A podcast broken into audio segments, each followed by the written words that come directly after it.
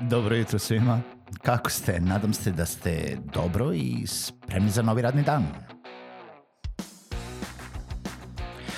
Pozdrav svima i dobrodošli na podcast Male pobede, stari novi podcast koji, well, koji je tu da bi vam kroz pitanje i savete dao motivaciju, pokrenuo vas u pozitivnom smeru i pomogao da ovaj dan počne bolje, jače i možda čak i zabavnije.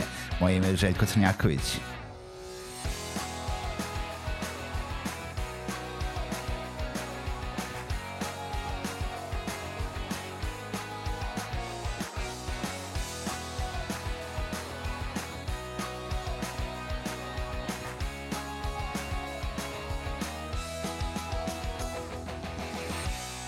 Pozdrav svima, dobro jutro i dobrodošli u novu epizodu podcasta Male pobede. Moje ime je Željko Crnjaković, a kao i svako jutro, veoma mi je drago da ste i ovu epizodu uh, sa malim pobedama, nebitno da li vam je prva ili već 250. Uh, epizoda, Male pobede su tu svaki radni dan sa nekim novim temama, pa ukoliko želite da ne propustite neku epizodu, nemojte da zaboravite da se subscribe-ujete na bilo kojoj podcast platformi koju koristite na mobilnim uređajima, nebitno da li je to Spotify, Google Podcast, iTunes, Stitcher, Player FM, Pocket Casts ili bilo šta drugo.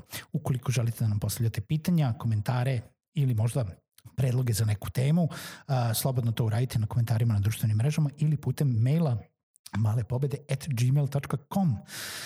Današnja tema jeste jedna tema koju sam, za koju smo evo, upravo uh, mnogo pričali ovih dana u Infostud Hubu uh, i imali smo čak i događaj sinoć, baš, um, a tiče se društvenih mreža i uticaja društvenih mreža na mentalno zdravlje uh, svih nas koji ih jel da, koristimo.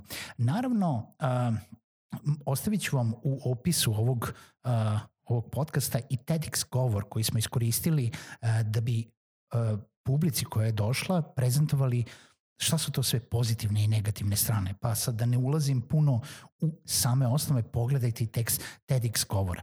Ali ne želim ovde samo da se osvrnem na to da li su da li uh, društvene mreže pozitivno ili negativno utiču na naše mentalno zdravlje, već da one utiču i da mi to prepoznamo da one zapravo utiču na nas.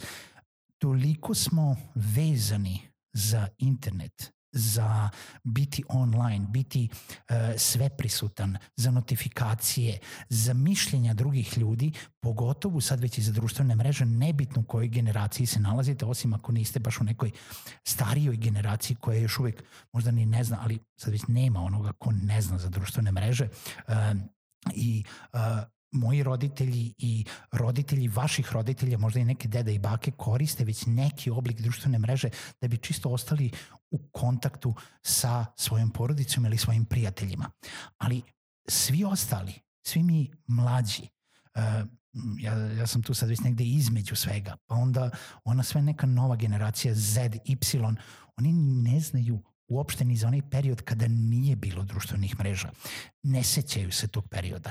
I zapravo nebitno koju društvenu mrežu koristite, da li je to Facebook, Twitter, Uh, da li je to Instagram, da li je to neke, možda koje neki drugi ne koriste, ali mlađi koriste, TikTok, Snapchat, uh, da li su to još neke druge društvene mreže za koje nisam ni čuo i ovde neću ni da pomenem uh, kao, kao takve, ali postoje čitave generacije koje ih koriste zato što su njihovi prijatelji tamo. Koji su to efekti koji, koji društvene mreže čine? Pa za početak, da li smo iskreni na društvenim mrežama? Da li se osjećate da e, postavljate svaki vid vašeg života, vaših misli, vaših mišljenja na društvene mreže ili zapravo postavljate samo one najbolje trenutke, samo one najbolje vidove i onda se upoređujemo jedni sa drugima i koliko je to dobro, koliko nije. Zapitajte se koliko je dobro zapravo uh, upoređivati se sa drugim ljudima, upoređivati se sa time da uh, sa tim najboljim momentima koji su verovatno nerealni. Je, mislim pod nerealnim, mislim da recimo često možemo da vidimo neku sliku na društvenim mrežama kako neko e, pijucka neko, e, neki egzotični koktel na e, moru, brčka se u bazenu, skije se na nekom e, skiješkom rezortu e, i tako dalje. Ali zapravo mi ne znamo šta je ta osoba uradila da bi stigla tamo. Mi ne znamo da je ta osoba možda imala mogućnosti da to uradi, a možda je digla jedno tri kredita da bi ovaj, otišla na to zimovanje ili letovanje i onda je da slikala taj svoj najbolji moment. A u svakodnevnom životu radi isto toliko koliko i mi, ima isto toliko problema koliko i mi, možda čak i mnogo više. Tako da uh, razmislite i o nekom onom internom monologu koji koji se odvija u vama kada scrollujete kroz društvene mreže. Da li da lekujem ovo? Da li da ovo komentarišem? Zašto je on tamo, a ja sam ovde? Zašto on ima te mogućnosti, a ja nemam?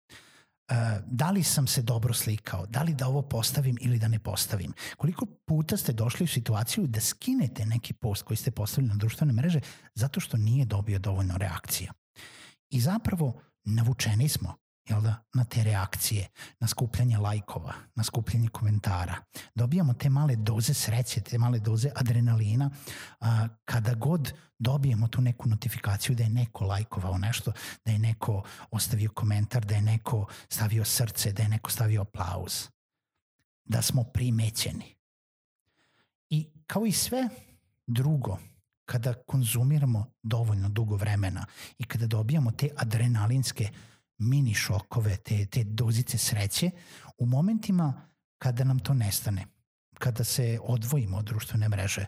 Nebitno zato da li, da li smo sami to odlučili uh, ili na neki način smo ostali bez interneta ili bez struje ili nešto se desi, onda počinjemo da osjećamo fizički neku anksioznost. Osjećam, e, dolazimo u neko stanje mini depresije, zato što postajemo izolovani i kao i sve drugo, pogledajte decu, pogledajte omladinu kada su navučeni na sve te a, šarene e, interakcije putem YouTube-a, putem drugog sadržaja koji, koji ne možete da dobijete više iz knjiga, koje ne možete da dobijete ni iz čega drugoga što je toliko, da je toliko inputa Jel da to, u, u, pogotovo u osobama koji su izuzetno mladi, znači deci, oni ne mogu da dobiju zadovoljstvo od nečega drugog, barem ne toliko zadovoljstvo. Potrebno je neko, neki period odvikavanja od toga.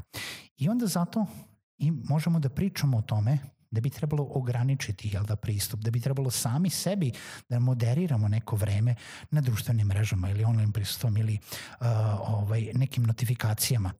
Zašto? Zato što želimo da i treba da budemo više u dodiru sa realnim životom. Treba da budemo uh, na neki način odvojeni samo od tog virtualnog sveta i možda je to zbog posla, možda treba da budemo produktivniji. Deci se preporučuje maksimum dva sata dnevno a, nekog online a, ili YouTube-a ili društvenih mreža. Odraslima ne možemo da tako moderiramo, ali možete sami sebi da bukirate neko vreme, želite da budete produktivniji. Isključite notifikacije na telefonu, isključite telefon, isklju, utišajte sve ostale prozore koji vam idu u pozadini i zapravo posvetite se radu, bit ćete produktivniji i završit ćete posao ranije. Nećete se obazirati na svaki email koji vam stigne, nećete se obazirati na svaki like koji vam stigne. I i dalje je nerealno da kažemo da treba da se isključimo sa društvenih mreža. Nerealno je. Društvene mreže može, mogu da imaju pozitivan uticaj. Možemo to da postavimo nekim svojim primerom. Možemo da budemo pozitivni. Možemo da uh, moderiramo ono što postavljamo na društvene mreže. Možemo da ih koristimo odgovorno. Ne moramo da ih koristimo uh, kao ogledala zavisti i zavisnosti. Svejedno u kom smeru se, u kom smeru se okrenete. Jednostavno možemo da ih koristimo za komunikaciju, možemo da ih koristimo za ostajanje u kontaktu sa našim prijateljima, ali na kraju dana kada odete na piće sa tim prijateljima, nemojte da sedite u kaviću i da svako gleda u svoj telefon. nego zapravo pričajte. Kada odete na sastanak sa poslovnim partnerom, pričali smo to u nekoj epizodi, isključite mobilni telefon ili ga utišajte i posvetite se tom sastanku. Imajte odgovornosti prema osobi sa kojom ste, imajte odgovornosti prema sebi. Tako da, da li društvene mreže utiču na naše mentalno zdravlje? Da, sigurno. Koliko smo mi u kontroli, pa kao i sve drugo, koliko moderiramo da budemo.